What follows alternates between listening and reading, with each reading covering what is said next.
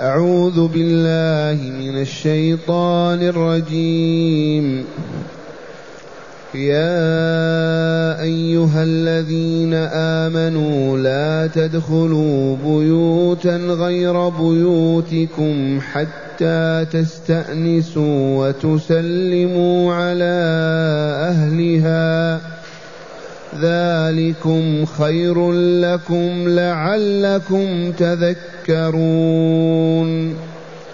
فإن لم تجدوا فيها أحدا فلا تدخلوها حتى يؤذن لكم وإن قيل لكم ارجعوا فارجعوا هو أزكى لكم والله بما تعملون عليم.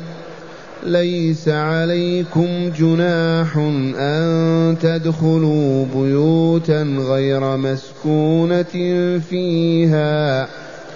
ليس عليكم جناح أن تدخلوا بيوتا غير مسكونة فيها. متاع لكم والله يعلم ما تبدون وما تكتمون. أحسنت. معاشر المستمعين والمستمعات من المؤمنين والمؤمنات تقدم في الآيات قبل هذه من سورة النور. اولا حرمة الزنا. وأنه فاحشة عظمى وأن حد الزاني البكر جلد مئة جلدة ثم تغريبه سنة في السجن وإلا خارج البلد. أما الثيب الذي سبق أن تزوج وعرف الزواج فإن الحكم فيه الرجم بالحجارة حتى الموت. وبين لنا تعالى أن الزاني لا يأتي إلا زانية أو مشركة. والزانية لا تأتي إلا زاني أو مشرك. تنفيرا لعباده المؤمنين من هذه الخصلة القبيحة السيئة المدمرة للبلد والأمة. كذلك إذا اتهم رجل امرأته فإن عليه أن يلاعنها في المسجد. يشهد أربع شهادات ويلعن نفسه على أنه صادق فيما رماه به. فهي إن وافقته أقيم عليه الحد بالرجم وهو نجا. وإن رفضت ما قاله شهدت أربع شهادات ودعت الله بالغضب عليها إن كان زوجها من الصادقين. ثم يفرق بينهما. حرم الله تعالى القذف فلا يحل لمؤمن ولا مؤمنة أن يقول لأخيه المؤمن زنا أو لاط أو فجر. لا يحل لمؤمن ولا مؤمنة أن يرمي أحد إخوانه أو أخواته بهذه الفاحشة القبيحة المنكرة ومن أعماه الشيطان وورطه في المحنة وقال فلان زاني أو أنت زاني أو أنت زانية يطالب بأن يحضر أربعة شهود على دعواه. يشهدون أمام القاضي بأن فلان حقا زنا أو فلان زنت. وهيهات أن يظفر بهذا ويحصل على أربعة شهود بالباطل. ولو بالحق ما يمكن أن يوجد أربع شهود. فإن عليه أن يجلد على ظهر ثمانين جلدة وتسقط عدالته في البلد. يصبح لا قيمة له. حتى تمضي أيام ويتوب وتظهر توبته. إذا هذه الأحكام شاء الله تعالى أن يقول يا أيها الذين آمنوا ليعلمنا الأسباب التي من شأنها ألا نقع في هذه المحنة هذه الفاحشة. علمنا أسباب إذا أخذنا بها ينجينا الله من فتنة قبيحة الزنا والعياذ بالله واللواط. فقال عز من قائل يا أيها الذين آمنوا يا من آمنتم بالله ربا وبمحمد رسولا وبالإسلام دينا يا من صدقتم الله ورسوله. لا تدخلوا بيوتا غير بيوتكم حتى تستأنسوا وتسلموا على أهلها. هذا أمر الله. من رفضه ولم يعمل به عنادا كفر. ومن تركه جهلا ومعصية يجب أن يتوب وأن يستغفر. لا تدخلوا بيوتا غير بيوتكم. أما بيتك التي فيها زوجك وأولادك فلا تستأذن ولكن إذا دخلت سلم عليهم. السلام عليكم. أما أن تستأذن على زوجتك وأولادك فلا. الاستئذان على بيت غير بيتك. لا تدخلوا بيوتا غير بيوتكم. لا تدخلوها حتى تستأنسوا. ومعنى تستأنسوا تستأذنوا.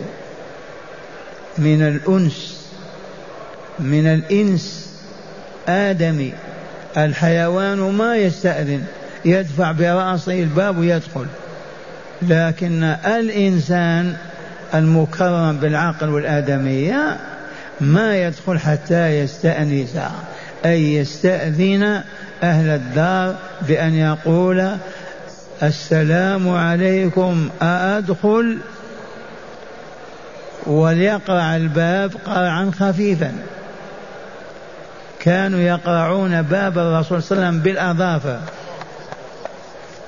فقط بالأظافر. ما هو هكذا؟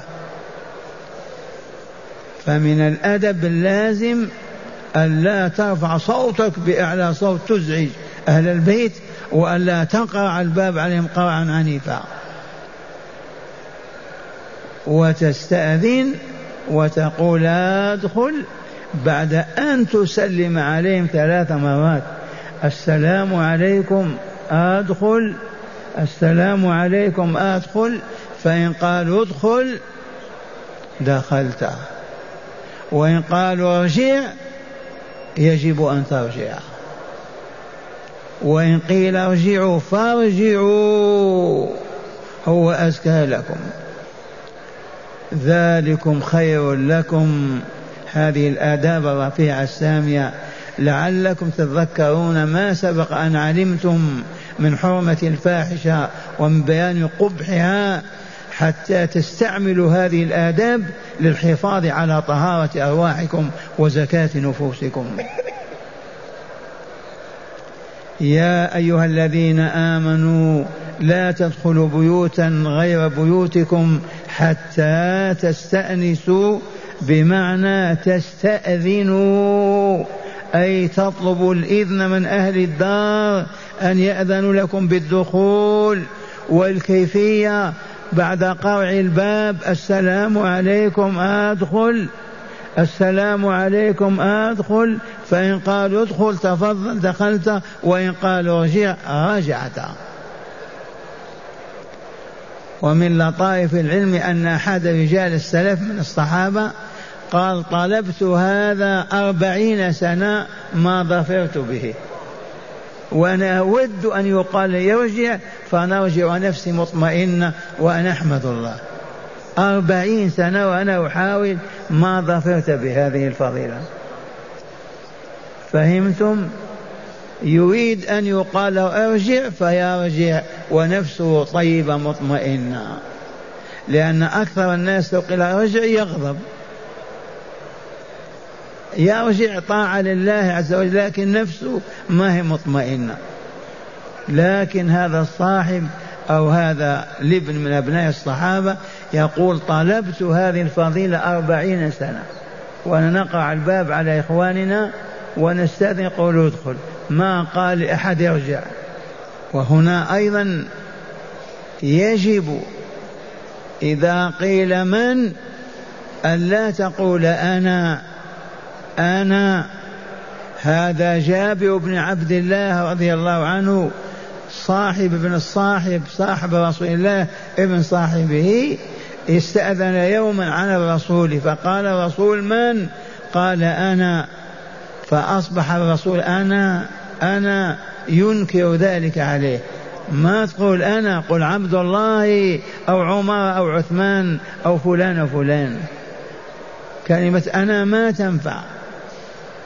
ولا تجوز.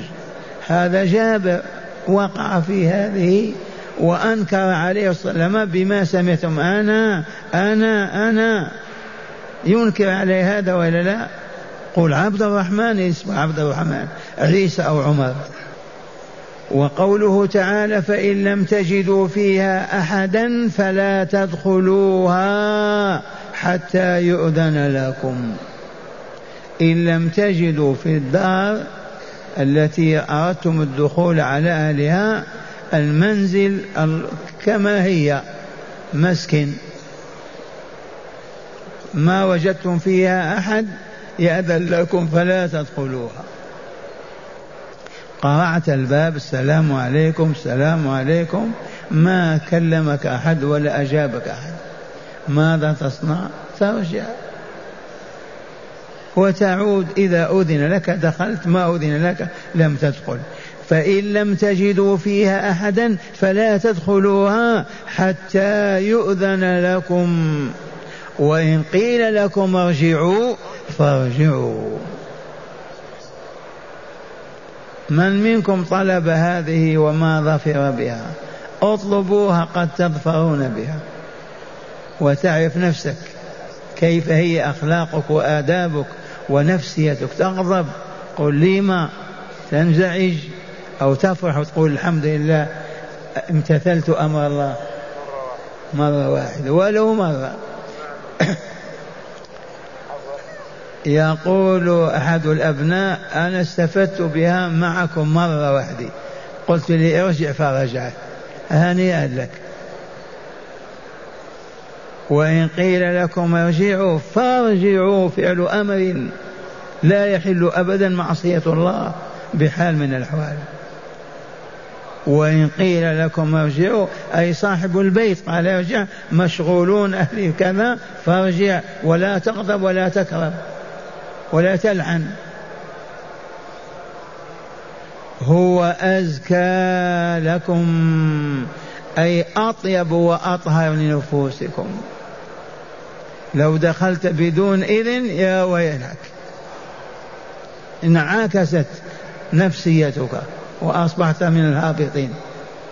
لكن الرجوع امتثالا لأمر الله عز وجل وإبقاء على كرامة المؤمنين وما هم عليه هذا يزكي نفسك ويزيدها طهرا وصفاء. هو أزكى لكم وقوله تعالى والله بما تعملون عليم هذه تذكرها دائما في مثل هذه المواقف. أن تحركاتك أن سكناتك أن ما رأيته ما تريده اذكر أن الله عليم بك مطلع عليك. حتى لا تقع في معصيته بارتكاب مخالفة أمره أو نهيه. والله بما تعملون عليم. وقوله تعالى ليس عليكم جناح أن تدخلوا بيوتا غير بيوتكم. ليس عليكم جناح أن تدخلوا بيوتا غير مسكونة فيها متاع لكم.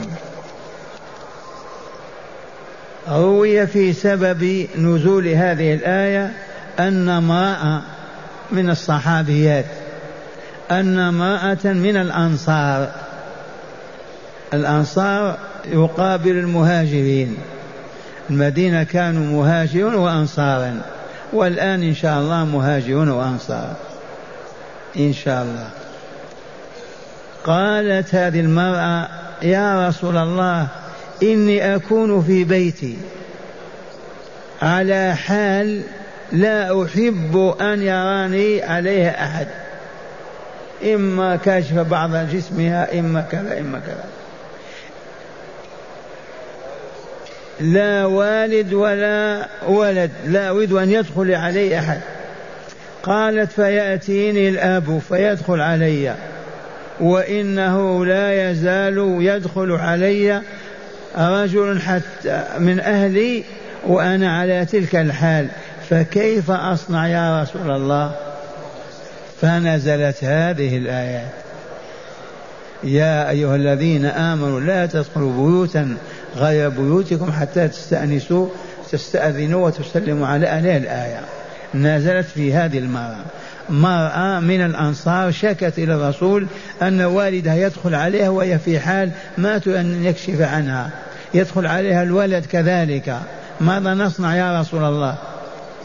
بما يجيبها الرسول سكت فنزلت هذه الآية. يا أيها الذين آمنوا لا تدخلوا بيوتا غير بيوتكم حتى تستأنسوا وتسلموا على أهلها. ذلكم خير لكم لعلكم تذكرون. فإن لم تجدوا في أحدا فلا تدخلوها أبدا. وإن قيل لكم ارجعوا فارجعوا وعودوا إلى بلاد دياركم. ذلك أزكى لكم وأطهر. والله يعلم وأنتم لا تعلمون.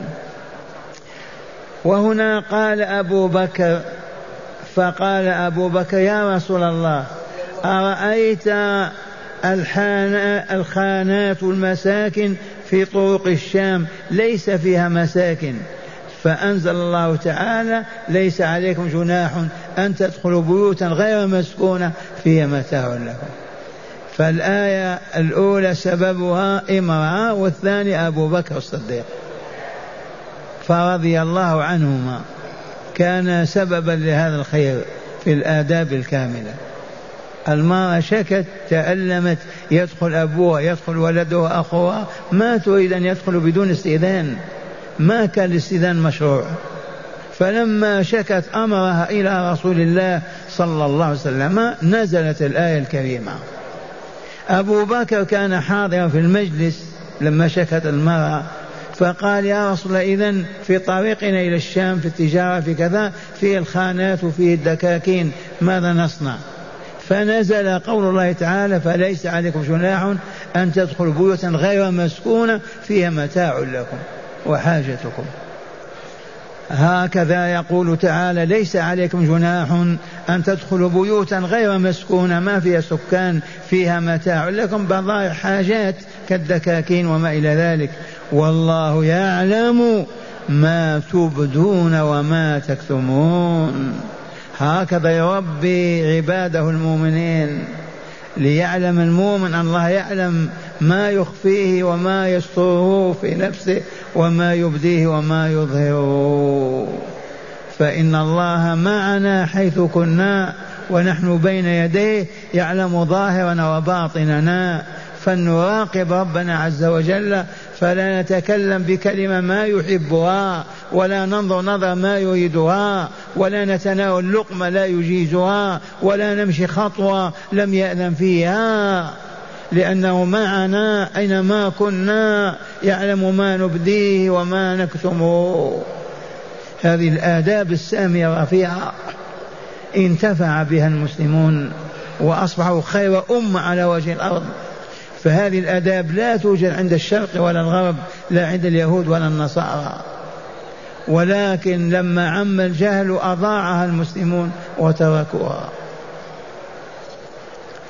والآن أسمعكم شرح الآيات مرة ثانية لتتأكدوا مما علمتم.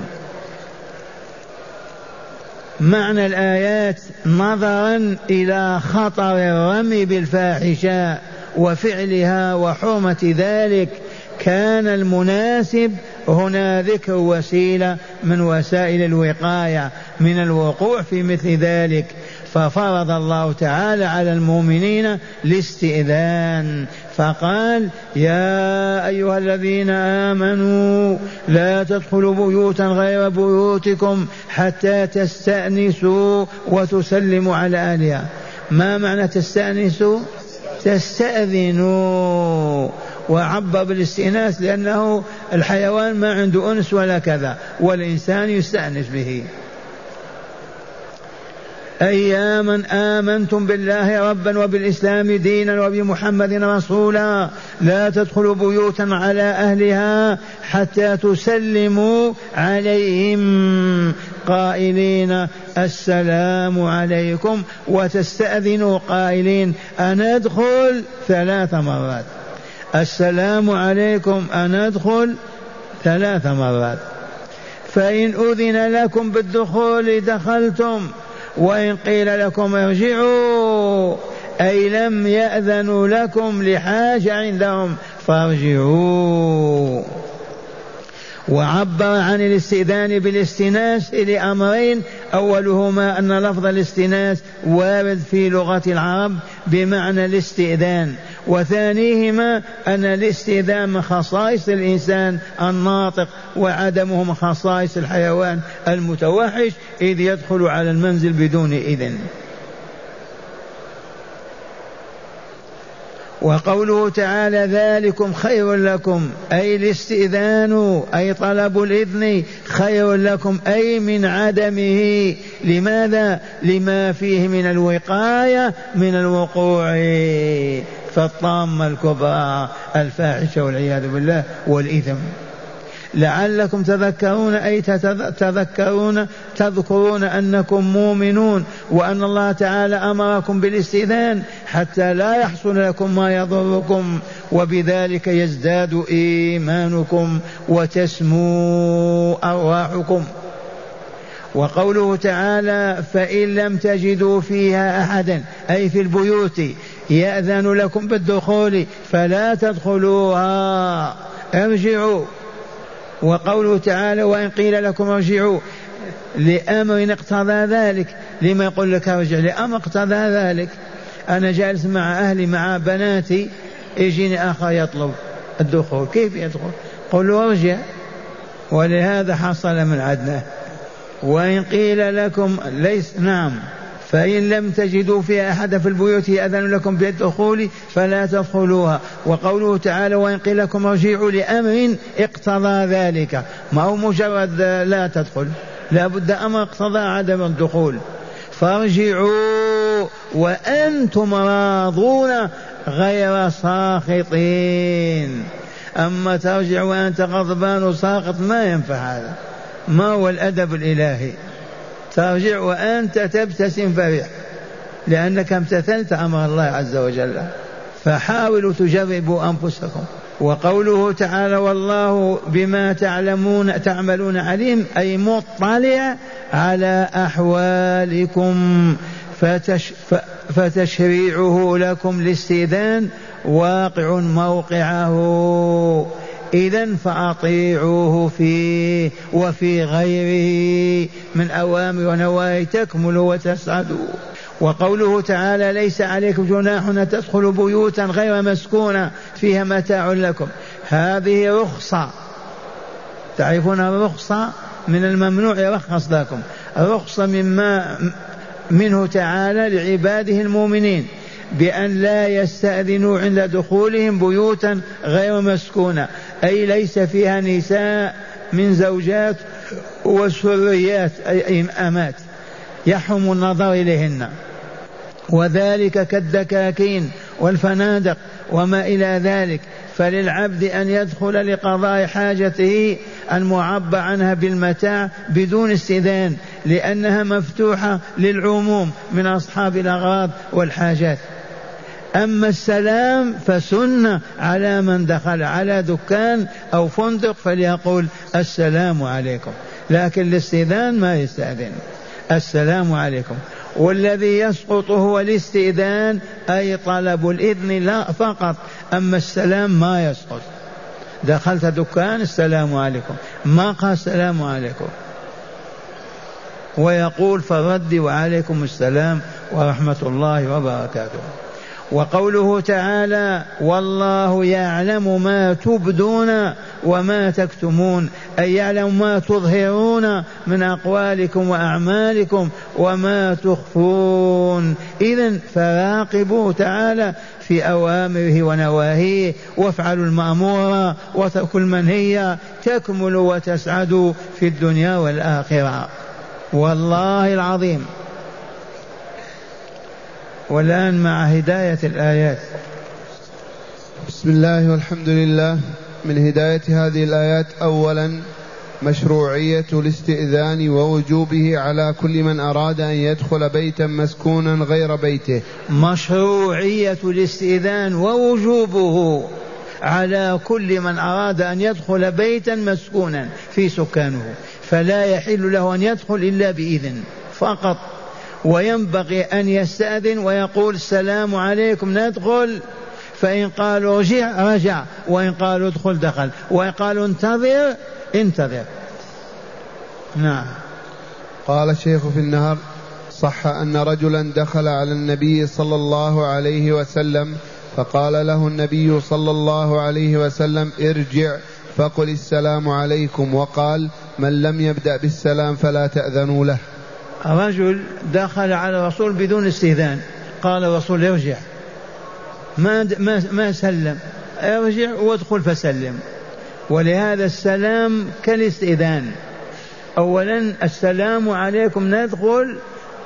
ثم إن قيل ارجع ارجع وقيل انتظر انتظر. وإن قيل ادخل ادخل. نعم. وقال ورد في الصحيح ما يجعل الاستئذان متأكدا فوق المشروعية.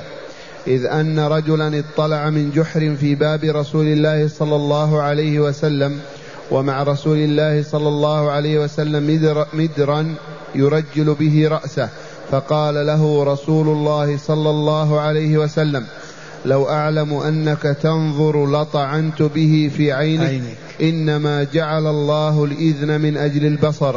من أجل البصر. الرسول صلى الله عليه وسلم كان في بيته هذه وفي باب الحجرة جحر صغير. هذا يوجد في البيوت القديمة. تستطيع تنظر من خلاله. جحر صغير في الباب إلى جنب الباب. البيوت ما كانت بالحديد والاسمنت. فهذا الرجل جاء وسلم على نادى الاستئذان وهو ينظر مع ذاك الجحر. ينظر داخل الحجرة ما فيها. فبما أجابه الرسول صلى الله عليه وسلم ما؟ الرسول كان يرجل شعره بمدين بيده عود حديد كذا يشعر رجلا في شعره. قال لو أعلم أنك تنظر. أعلم أنك تدخل لطعنت بها عينيك. تنظر. لو علمت أنك تنظر لطعنت بها في عينيك. فلهذا حرام علينا أن نتحسس أو نتجسس في بيوت المسلمين. وهذه صريحة في أنه لا يحل لمؤمن أن يتسمى بأذنه ماذا يقال في البيت أو ماذا يحدث أو يحاول أن يطلع من وراء الباب عما يجري في البيت. هذا التجسس حرام في الإسلام. والرسول قال لو علمت أنك تنظر لطعنت بعينيك. بهذه الحديدة التي في يده.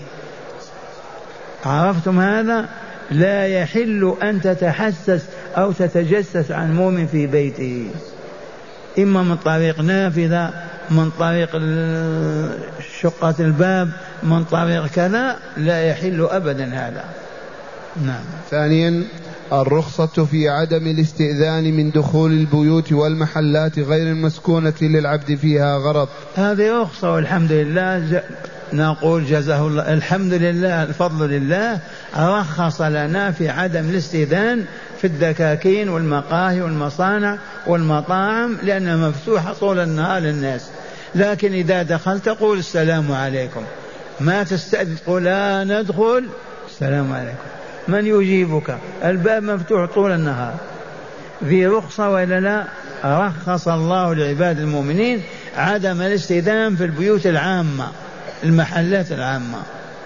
ثالثا من آداب الاستئذان أن يقف بجانب الباب, بجانب الباب فلا يعترضه وأن يرفع صوته بقدر الحاجة وأن يقرع الباب قرعا خفيفا وأن يقول السلام عليكم أأدخل ثلاث مرات. هذه أربع آداب. أولا الاستئذان. أن لا أولا الاستئذان. لا ثانيا أن لا يق... أن لا يقف في وجه في أعراض الباب يقف إلى جنب الباب. ممكن لما يفتح يشاهد مرأة. أو يشاهد كذا. ما يقف في. في عرض الباب يقف إلى جنبه. أولا هذا أولا. ثانيا أن يرفع صوته ثانيا أن, يخ... أن يخفض صوته. ما يرفع صوته ويصيح بانزعاج سبحان الله الحمد لله الله أكبر. أما سبحان الله الحمد لله يزعجهم. يخفض صوته. السلام عليكم. ما هو السلام عليكم؟ من الآداب النبوية هذه. نعم. وأن يقرع الباب قرعا خفيفا. وأن يقرع الباب قرعا خفيفا. ما هو بعنف؟ هذه موجودة عندنا. بشدة يزعج الإنسان.